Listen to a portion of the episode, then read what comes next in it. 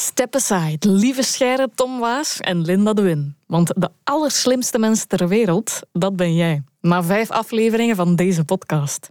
Tenminste, als je de concurrentie aankunt en durft met AI, Artificial Intelligence. Of in het mooi algemeen Nederlands, artificiële intelligentie. Ik ben Shalini van der Langenberg en in deze podcast zoek ik uit wat er zo fascinerend is aan ons brein. Zijn computers slimmer dan wij? Kan kunstmatige intelligentie creatief zijn? En wat leert artificiële intelligentie ons over onze eigen menselijke intelligentie? Ik zoek het uit met de hulp van experten.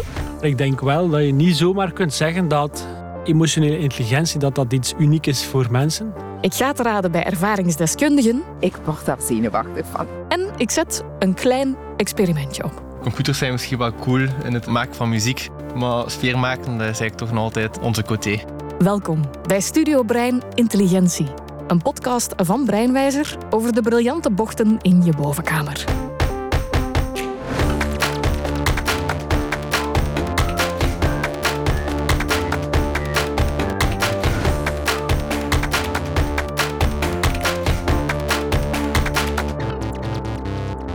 Je hebt er ongetwijfeld ook al een aantal gezien met een grote emmer popcorn op je schoot. Actiefilms waarin robots de wereld overnemen. Of het nu The Terminator is, iRobot of een vrolijke animatiefilm zoals The Mitchells vs. The Machines. Ergens sluimert er een angst voor die slimme robots en wat die allemaal zouden kunnen uitspokken. Hoe realistisch zijn die doemscenario's? Is die angst terecht? En zullen computers ooit slimmer worden dan wij? Of zijn ze het al? Ik ging de straat op met een micro en die vraag. Binnenkort wel, denk ik. Ja, zeker. Dat weet ik nog zo niet. Op een bepaald vlak wel, maar ik denk op emotioneel vlak is het sowieso veel moeilijker voor een computer om slimmer te zijn. Er zal altijd inbreng van de mensen nodig zijn. Hè? Wij steken er alles in. Als je naar mij niet, niet erin steekt, kan er ook niet in zitten. Hè.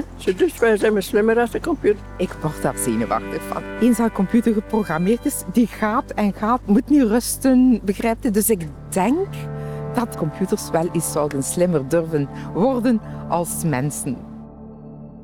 Er valt duidelijk te discussiëren over hoe intelligent onze computers zijn. Maar om een eerlijke vergelijking te kunnen maken tussen de mens en technologie, moeten we eerst uitzoeken wat artificiële intelligentie precies is. Want uit een steekproef van kenniscentrum Data en Maatschappij onder meer dan duizend Vlamingen blijkt dat twee op de drie geen idee heeft wat AI nu eigenlijk betekent. Artificiële intelligentie, hoe ziet dat eruit? Heb ik en heb jij dat al in huis? En wat doet dat dan allemaal? Om een antwoord te krijgen op die vragen trek ik aan de mouw van expert Lode Lauwaard. Hij is professor techniekfilosofie aan de KU Leuven en auteur van het boek Wij Robots. AI is, simpel gezegd, slimme technologie. Maar wat betekent dat eigenlijk? Zo kunnen zeggen, als een stoel een technologie is. Oké, laten we daar even van uitgaan. Stoel is een vorm van domme technologie. Die stoel is een object, maar die neemt geen beslissingen. Maakt geen inschattingen, die reageert op niets enzovoort.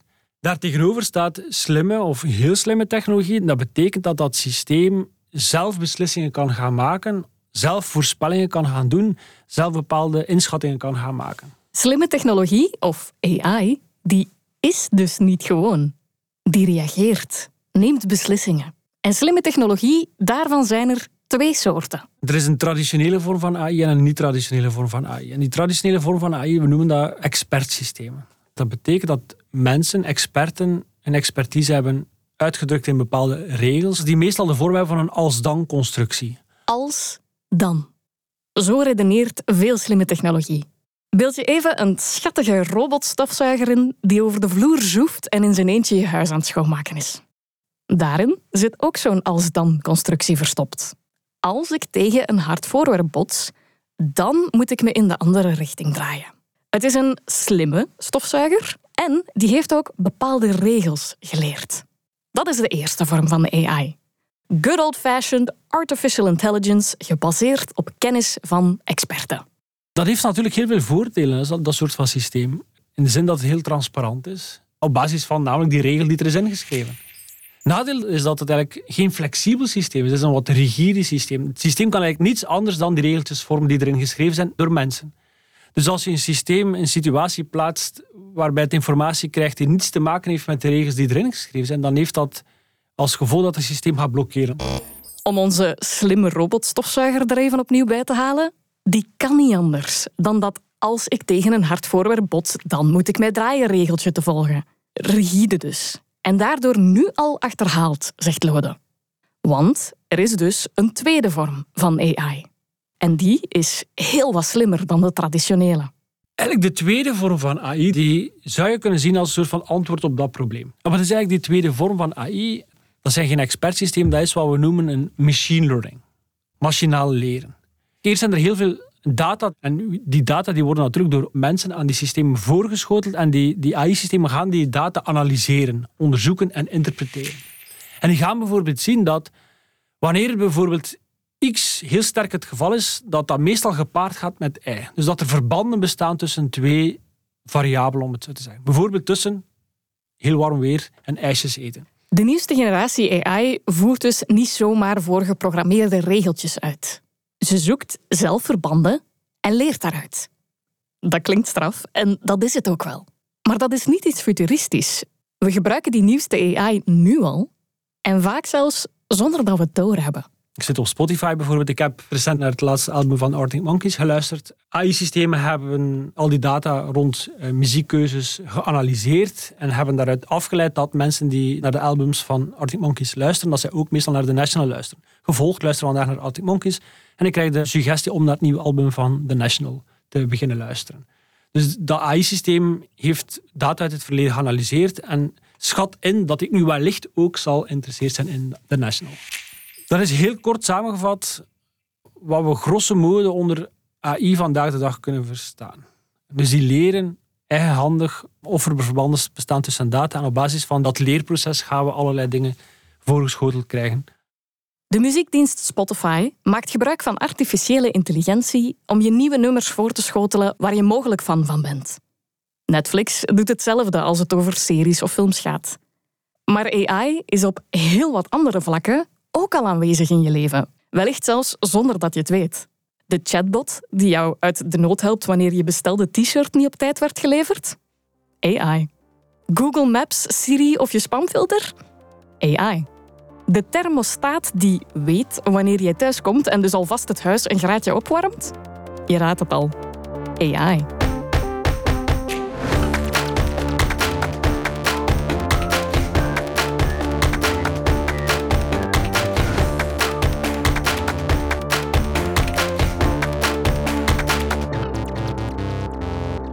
Artificiële intelligentie is niet te reduceren tot één object of programma. Het kan in een app zitten, op je computer of smartphone, maar evengoed in je stofzuiger dus, of in een zelfrijdende auto. Klinkt behoorlijk slim, maar slimmer dan wij? Dat is misschien toch te veel eer voor een systeem dat stofzuigt of ongewenste mails uit je inbox filtert. Of niet? Hoe kijkt Lode daarnaar als techniekfilosoof? Het hangt er ten eerste natuurlijk vanaf wat je verstaat onder intelligentie. Ik denk dat het vrij duidelijk is dat computers in verschillende opzichten echt bepaalde taken veel beter kunnen uitvoeren dan mensen. In een mum van tijd kunnen ze miljoenen, miljarden data gaan uh, analyseren en interpreteren. Ze zijn dus in staat om heel korte tijd heel veel dingen te doen, wat mensen helemaal niet kunnen. Wij hebben jaren nodig om arts te worden. We hebben jaren nodig om radioloog te worden, bijvoorbeeld om foto's te herkennen waar melanomen bijvoorbeeld kunnen worden gedetecteerd. Een AI-systeem heeft daar eigenlijk niet zoveel tijd voor nodig om dat te leren.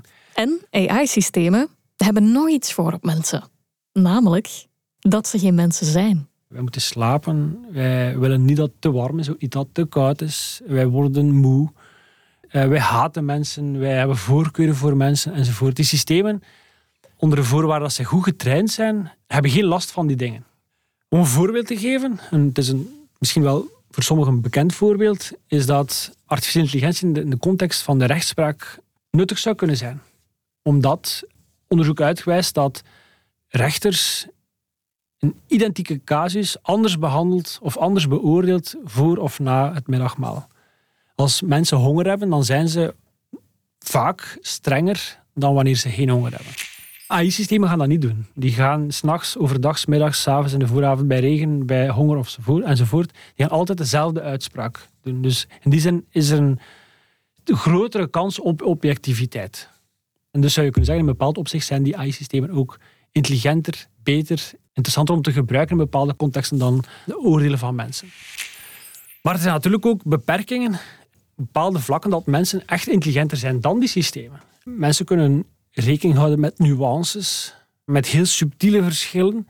En die nuances en die verschillen die kunnen niet altijd of soms niet gedetecteerd worden door uh, die AI-systemen. Dus wij zijn gevoelig voor details, voor context, voor interpretatie. Wat die uh, systemen veel minder hebben of misschien soms niet hebben. Iets anders is dat wij zeer goed zijn het combineren van zaken. Wij kunnen informatie uit verschillende contexten samenbrengen en daarmee iets doen. Terwijl AI gespecialiseerd is in heel specifieke taken. Bijvoorbeeld het inschatten van jouw muziekkeuze of welk soort van reis jij graag zou gaan maken enzovoort. Zij kunnen niet al die taken tezamen en zij kunnen die vaak ook niet combineren. Wij mensen kunnen dat wel. Wij zijn in staat om taken te combineren of taken af te wisselen met elkaar. Ik kan nu spreken en straks kan ik sporten en vanavond kan ik met mijn zoontje spelen enzovoort. Die AI-systemen kunnen dat niet. Die kunnen dat niet combineren. Die zijn uitgerust voor iets heel specifiek. Wij mensen, wij zijn dus op veel manieren tegelijk intelligent. Maar wat als AI dat ook wordt? Het is de droom, en tegelijk ook vrees, van heel wat computerwetenschappers. AI ontwikkelen die net zo veelzijdig is als wij. De algemene AI. Voorlopig moeten we het nog stellen met smalle of narrow AI. Die kan, in tegenstelling tot de mens, dan wel maar één taak uitvoeren, maar die specifieke taak kan die wel belachelijk goed. Sneller, objectiever en nauwkeuriger dan de mens.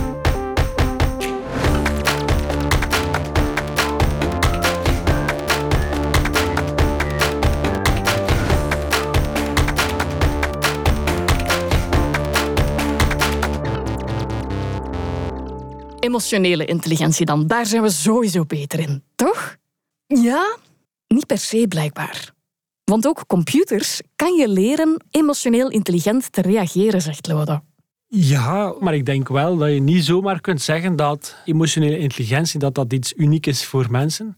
Stel, ik zeg wel stel, ik ben een zeer onaangenaam persoon in bepaalde omstandigheden. Bijvoorbeeld, ik werk in Leuven, ik neem dagelijks de trein van Leuven naar Gent. Dat betekent, ik heb eerst op de trein moeten zitten, ik heb moeten wandelen, soms een vertraging, het is daar soms te warm, iemand heeft mij gestoord terwijl ik op de trein nog wilde werken, enzovoort. Betekent dat kan ik thuiskomen en heel onaangenaam zijn. Mijn vrouw moet niet vragen om voor het kind te zorgen, om te koken, enzovoort. Gewoon echt onaangenaam. Emotionele intelligentie zou van haar kunnen zijn dat zij let op de signalen die erop kunnen wijzen dat ik waarschijnlijk eens zeer ambetant zou kunnen reageren in deze context. Dat is precies wat wij mensen doen, maar dat is precies hoe de werking van een AI-systeem zou kunnen omschrijven. Dat is natuurlijk nog een hele andere vraag dan de vraag of die systemen echt ook gevoelens hebben of dat die kunnen verdrietig zijn enzovoort. Dat is eigenlijk nog een andere vraag. Maar ik denk, ja inderdaad, dat systeem kan getraind worden om mensen te assisteren bij het maken van emotioneel eh, intelligente beslissingen. Maar kan zelf natuurlijk ook reageren op prikkels van buitenaf en mij bijvoorbeeld bepaalde vragen stellen die mij misschien ja, iets wat beter, iets wat meer op mijn gemak doen voelen, mij wat gelukkiger maken enzovoort. Zoals in de film Her, waarbij een man ik verliefd wordt op een AI-systeem. Ja, precies omdat dat systeem geleerd heeft hoe dat mensen interageren met elkaar, flirten met elkaar, wat ze belangrijk vinden, wat ze niet belangrijk vinden enzovoort. Ik wil helemaal niet beweren dat die systemen echt verliefd kunnen worden. Dat denk ik is voorlopig nonsens. Maar niettemin is er wel een link met emotionele intelligentie. Dus emotionele intelligentie is dat een privilege van de mensen? Nee, want andere dieren dan mensen hebben dat ook. Ik denk dat er redenen zijn om te geloven dat ook artificiële entiteiten daar niet al te ver van verwijderd zijn. We zijn niet uniek in onze intelligentie. Dat hebben we al vaker gehoord de voorbije afleveringen. En we zijn dus ook niet uniek als het op emotionele intelligentie aankomt. En misschien is dat ook net de reden tot paniek. Want als AI-systemen alles even goed kunnen als wij, wat weerhoudt hen er dan van om de boel over te nemen? Ik denk niet dat dat volledig bij de haren getrokken is. Anderzijds denk ik dat er toch ook wel redenen zijn om daar sceptisch tegenover te staan, omdat um, hoe werken wij mensen? Als je mij nu een pil zou geven en met die pil zou ik binnen de kortste keer het verlangen kunnen hebben om de mensheid uit te roeien, ja, je mag me die pil aanbieden, ik zal zeggen nee. Waarom zou dat anders zijn voor systemen die misschien hyperintelligent zijn, maar die wel nog altijd gemaakt zijn door mensen? Als die systemen zijn gemaakt door mensen met goede bedoelingen, met goede intenties, natuurlijk altijd onder die voorwaarden, waarom zouden die systemen zichzelf herschrijven tot totaal andere systemen die totaal andere voorkeuren hebben, met andere woorden, die immoreel zijn, die anderen willen uitroeien, die anderen willen vernietigen, uh, misbruiken, tot slaaf maken, onderwerpen enzovoort. Waarom zou dat zo zijn? Waarom zouden wij iets anders verwachten van die robots dan voor mensen? Wij lijken er zo van uit te gaan dat er iets totaal nieuws ontstaat. Oké, die dingen zijn gemaakt van ijzer en van materialen die niet tot ons biologisch lichaam behoren. Dat is uiteraard waar. Maar goed, dat op zich is geen reden om te gaan vermoeden dat dat systeem ook totaal anders in elkaar zal steken. En nee, dat systeem is gemaakt op grond van verlangens, wensen die altijd voorkomen die van mensen. Als dat zo is, waarom zouden zij die zichzelf willen herschrijven tot iets volkomen immoreel of fout? We mogen gerust zijn. Die robotapocalyps is nog niet voor morgen.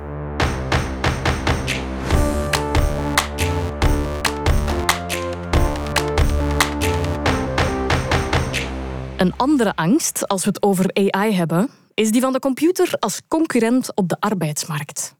Moeten we massaal beginnen vrezen voor onze job? Die angst en die vrees is reëel en ik denk dat die ook terecht is. Er zijn wel een aantal bekende economen die daar al onderzoek naar verricht hebben en blijkt dat er heel veel jobs zal worden ingenomen vandaag de dag door AI-systemen. Dat is trouwens niets nieuws. In het verleden zijn heel veel jobs verdwenen door technologie die geen AI waren. Ik denk bijvoorbeeld aan besturen van uh, koetsen met die voortgetrokken worden door paarden. Mensen zijn hun jobs verloren omdat er plots een automobielsector was.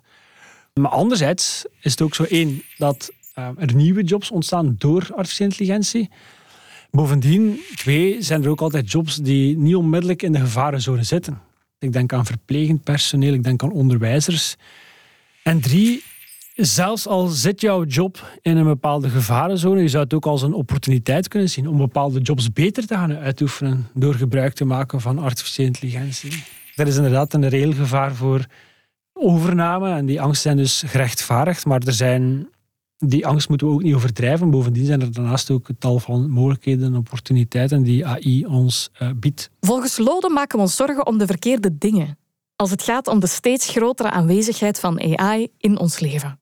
Er zal niet meteen een killer robot aan je deur staan en we worden niet massaal werkloos door de komst van AI. Maar morele en ethische problemen, zoals privacy, veiligheid en bevooroordeelde AI-systemen, daar breken computerwetenschappers en techniekfilosofen zich pas echt het hoofd over. Lode omschrijft de morele uitdagingen die opduiken bij het maken en gebruiken van AI probleem van privacy is er uiteraard een. Een ecologisch probleem is een ander probleem. Van intransparantie is een derde probleem. Maar waarschijnlijk het interessantste, uh, bekendste en meest relevante probleem is het probleem van bias, van partijdigheid. Dus dat betekent dat sommige AI-systemen bepaalde mensen gaan voortrekken in vergelijking met andere mensen. Dat bepaalde gedachten eh, aantrekkelijker gaan vinden dan andere gedachten. Dat die bepaalde groepen van mensen gaat voortrekken ten aanzien van anderen. Met andere woorden, dat er sprake kan zijn van negatieve discriminatie. Een bekendste voorbeeld wellicht is dat van een Amerikaans bedrijf dat geëxperimenteerd heeft met AI om mensen aan te werven. Wat bleek dat dat systeem systematisch de cv's van vrouwen wegselecteerde. Dus van zodra in jouw cv stond ik ben Sophie of Katrien, dan werd jouw cv systematisch aan de kant geschoven. Uiteraard onwenselijk. En waar heeft dat mee te maken? Wat is de oorzaak daarvan? Wel, heeft alles te maken met het feit dat dat systeem getraind is geweest met bepaalde data en niet met andere data. En in dit geval was dat, het systeem is getraind geweest met data van succesvolle kandidaten uit het verleden. En wat waren dat? Mannen, doorgaans mannen. Gevolg, ik heb dat geleerd, ik krijg nu een cv van een vrouw, ik selecteer die weg, ik neem die van de man. Want wat is er eigenlijk hier gebeurd? Dat AI-systeem gaat bepaalde ongelijkheden uit het verleden reproduceren. Dat is natuurlijk onwenselijk dat dat gebeurt. Maar is dat onoplosbaar? Dat is niet zo. Hè. Je kunt daar allerlei dingen voorstellen om dat probleem op te lossen, om dat op zijn minst aan te pakken. Enfin, misschien niet volledig weg te werken, misschien is dat niet mogelijk. Maar misschien kun je wel allerlei maatregelen bedenken om dat toch wat in te perken. Maar het is gelukkig niet alleen maar kommer en kwel als het aankomt op artificiële intelligentie. Want, Lode zei het daar straks al, als het systeem goede, genuanceerde data krijgt, is het veel objectiever dan de mens. AI kan worden ingezet om kansengelijkheid te bevorderen. AI for social good wordt dat dan. Een tak van de computerwetenschap die zich focust op het blootleggen van pijnpunten in het gebruik van AI. En die zich ook bezighoudt met het ontwikkelen van nieuwe systemen die divers en representatief zijn. Die morele uitdagingen zijn niet nieuw. Maar waar een mens eraan moet worden herinnerd om inclusief te zijn, kan je een AI-systeem zo ontwikkelen dat het er automatisch op is getraind. En zo worden de apps, programma's en computers uitgerust met artificiële intelligentie stap voor stap slimmer.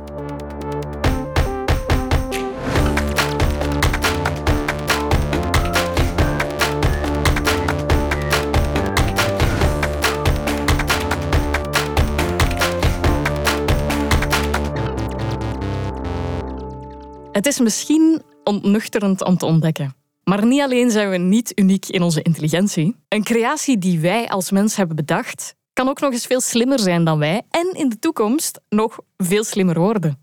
Maar komen wij dan alsnog niet als winnaars uit de bus, omdat wij mensen degene zijn die dat ingenieuze systeem hebben bedacht?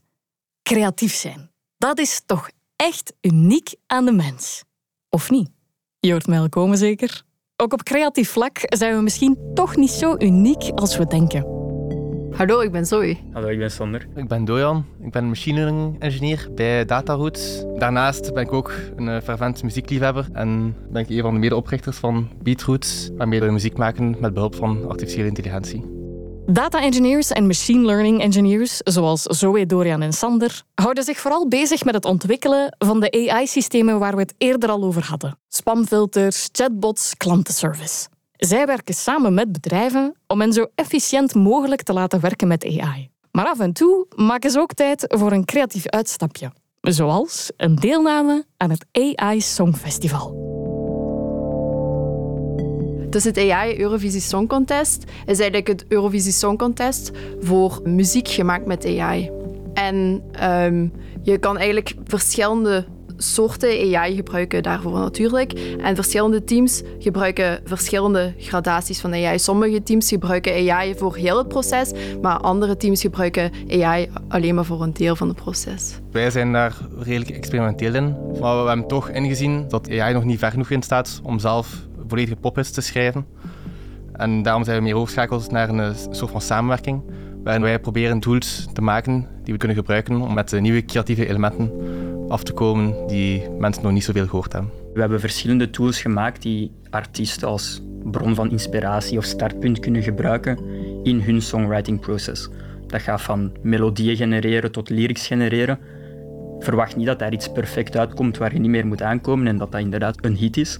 Nee, dat zijn eerder bronnen van inspiratie om een hit te maken. Uiteindelijk hebben wij vier verschillende tools samen gebruikt. We hebben eigenlijk niet veel ervaring met muziek schrijven en dat maakt het ook zo exciting. Dat, ondanks dat wij daar niet zoveel kennis van hebben, dat wij toch ons daarmee kunnen amuseren en dat we dan ook mee kunnen doen aan muziekwedstrijden. Exciting is het sowieso. Maar is het ook creatief?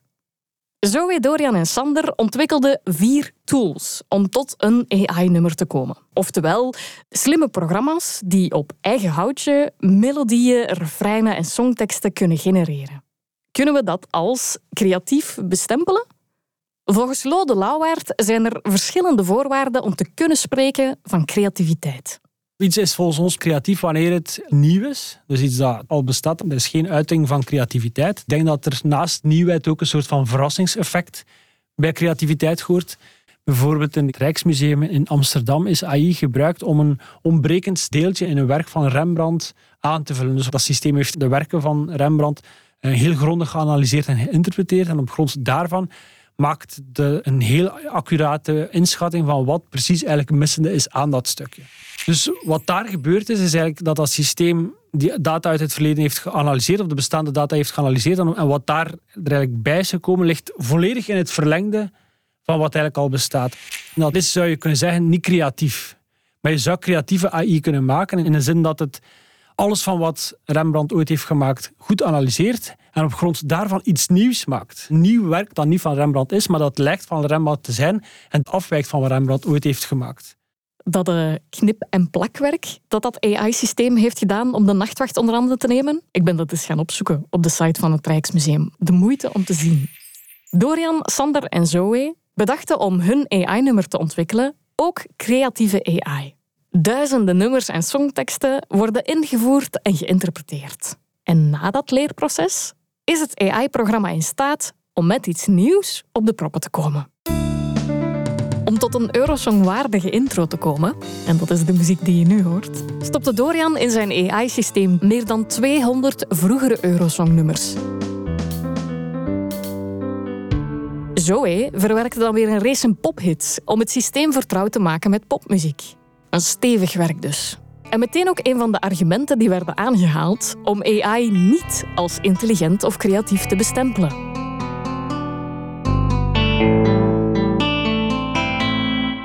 AI-systemen zijn natuurlijk altijd gemaakt door mensen. En in die zin, wat je zegt, is juist in de zin dat die AI-systemen altijd gevoed zijn met data die afkomstig zijn van wij mensen.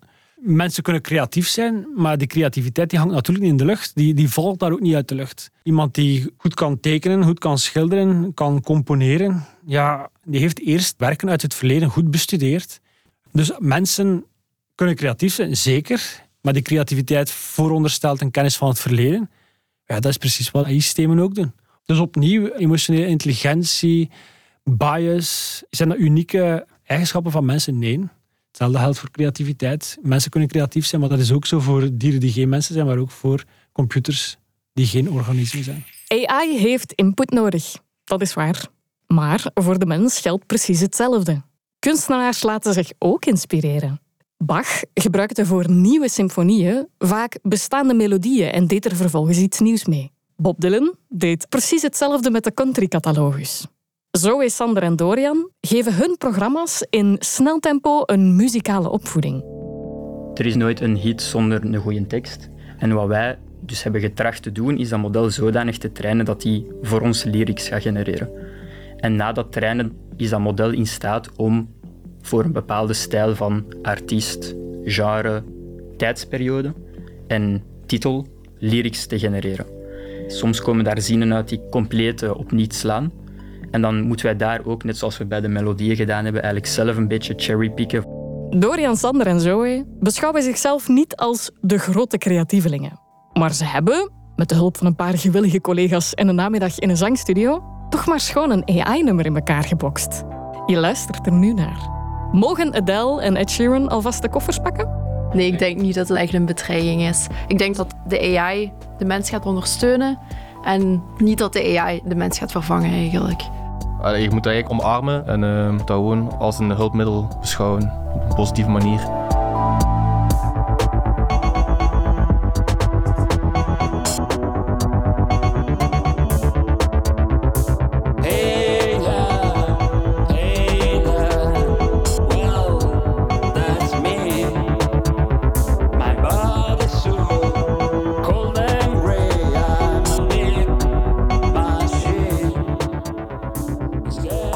Zijn slim, kunnen creatief zijn en kunnen ons meer leren over ons eigen brein. Tom Verguts is professor aan de Universiteit Gent en verbonden aan de vakgroep Experimentele Psychologie. Om geheugen- en leerprocessen te onderzoeken, maakt hij onder andere gebruik van AI. De samenwerking tussen neurowetenschap en artificiële intelligentie zorgt ervoor dat we ook ons eigen hoofd steeds beter begrijpen. Er is inderdaad een heel vruchtbare interactie tussen die twee domeinen. In die zin dat principes die in de psychologie of in de neurowetenschap voorgesteld worden als zijnde plausibel, die worden toegepast in de AI en ook omgekeerd. Een heel mooi voorbeeld daarvan, denk ik, is de neural replay. Het belangrijkste idee is dat als we iets aanleren, dat we dat niet doen tijdens de performantie zelf. Dus meestal hebben we intuïtief het idee dat we iets leren terwijl dat we iets aan het doen zijn. Dat is natuurlijk wel gedeeltelijk waar, maar het belangrijkste leerproces gebeurt eigenlijk offline. Dat betekent na het eigenlijke leren. Dus dat kan zijn in perioden dat je eventjes niks aan het doen bent en vooral tijdens de slaap. Terwijl we slapen, verwerken we heel veel informatie in ons hoofd. Maar precies hetzelfde geldt voor heel wat AI-systemen. Een groot aantal daarvan hebben ook een replay-modus, waarin alle informatie die ze hebben gekregen wordt verwerkt om te kunnen leren. En dat is bijzonder fascinerend, zegt Tom. Want daardoor weet je niet alleen waar je rekening mee moet houden als je een algoritme goed wilt trainen, maar ontdek je ook steeds meer hoe ons brein leert. Die AI geeft aan wat is er nodig om een systeem goed te laten werken. Als ik alleen maar naar de hersenen kijk, zie ik dat niet. Terwijl bij die computers kunnen we zien van, stel dat we het nu eens zo doen, werkt het dan? En stel dat we het nu eens zo doen, werkt het dan? En zo kunnen we uitvissen wat werkt er en wat werkt er niet. Er staan ons nog boeiende tijden te wachten, dat is zeker. Wie weet zorgt AI wel voor een volgende grote doorbraak in de neurowetenschap en ontdekken we binnenkort nog heel wat meer over die grijze cellen van ons. Eén ding staat vast. Na vijf afleveringen Studio Brein weten we al heel wat meer over ons briljante brein.